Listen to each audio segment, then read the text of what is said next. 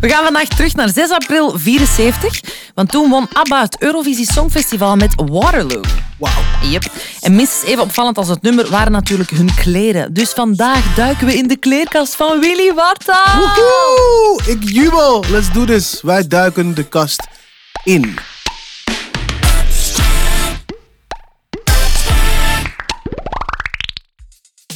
Hey Willy Wartaal, Hey, wat hoe is vind het? jij van ABBA? Nou ja, ik vind het... eh, ik snap dat het allemaal heel goed is. Maar, En, eh, en, eh, en er zijn ook echt wel nummers waarvan ik zoiets heb van... Oh ja, ze hebben twee nummers. The Winner Takes It All. Die vind ik wel echt heel gek. Maar verder is het niet echt mijn ding. Nee. Niet echt mijn ding. Maar ik heb, het is, ik, ja, ik heb sowieso wel respect voor eh, gewoon, eh, eh, de, de, ambacht, de, ambacht, eh, de ambachtsmannen eh, in Scan- die in Scandinavië zitten. Weet je, die al die nummers schrijven. oké, veel respect voor Scandinavische ambachtsmannen. Ja, maar het is Dat gewoon... neem ik mee. Dat neem ik mee. Maar Waterloo Ja, gaat dus eigenlijk... Dat gaat helemaal niet over de slag van Waterloo. Het gaat eigenlijk over een vrouw die zich wil overgeven aan de liefde van een man. Net zoals Napoleon zich overgaf tijdens de slag bij Waterloo in 1815. I like Wist je it. dat? Wist je Wi- dat? Ik wist het niet. Oké. Ik hoopte wel dat het niet over Napoleon ging. Maar ik vind dit wel sick. Ik hou wel van, eh, van dubbelzinnige dingen. Ja man, zeker. In Zweden eh, vonden ook sommige journalisten het onverantwoord om zo'n vrolijk liedje te zingen over eigenlijk een gruwelijke, bloedige veldslag. Ja. Maar eigenlijk is het ook toevallig dat het daarover ging, want de tekstschrijver, toen hij het nummer maakte, was hij gewoon door een citatenboek aan het bladeren en kwam hij daar de slag bij Waterloo tegen. Hier, ambachtsman. Niet super legendarisch. Maar bon. Maar, eh, Maar dat weet is je... vaker hoor. Dat, de nummers, dat, dat de, eh, namen van nummers zo op een hele domme manier ontstaan. Ah ja. Ja, echt. Het is van, bij, bij ja. Bas. Ja, nee, het is heel gek. Bas die heeft dus, die had een beat in zijn in zijn computer staan. En die beat heette Manon. En wij vroegen, hoezo heet het Manon? En toen zei hij, ja, ik weet niet. Eh, ik, ik had wel een Manon op de middelbare school. is niet mooi. Hij had volgens mij wel grote titel. Ik weet het niet zeker.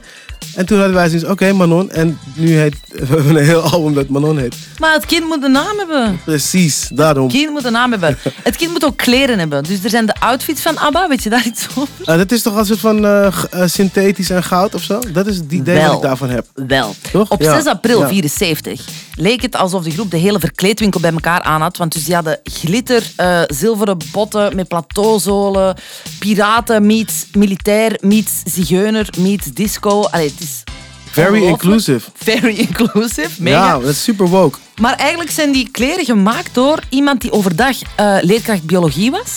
En s'nachts maakte die de pakken van ABBA. En eh, het is niet toevallig dus dat die, dat die er zo eh, show en crazy uitzagen. Want Ja. eigenlijk was dat geadviseerd door hun boekhouder. Dus er was een soort achterpoortje, dat is echt waar. Dat als je kleren aandeed op podium die je ook overdag kon aandoen, ja, dan is dat geen showkledij. Dus de enige manier voor hen om dat te kunnen inbrengen in de boekhouding, is dat ze die kledij zouden aandoen dat ze enkel op een podium zouden kunnen dragen. Wauw. Weet je wel? Dus, voilà. Dus eigenlijk eh, kon ABBA op die manier de BTW aftrekken van de productiekosten. En gelukkig maar.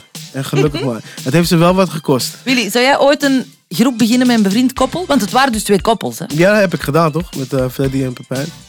Ja, een bevriend koppel. Ja. Oh nee. Ja, zei dit. ze zijn buiten.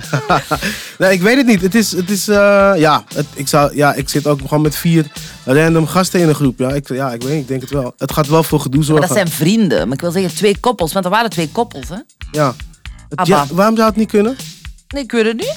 Jij denkt dat het niet zou kunnen? Beef, jaloezie? Nee. I don't know. Ik stel hier de vragen, hè? Zo zijn mensen helemaal niet. Of ga ik iets anders vragen? Wat is het zotste dat je ooit op een podium al hebt aangedaan? Eh, qua kleding.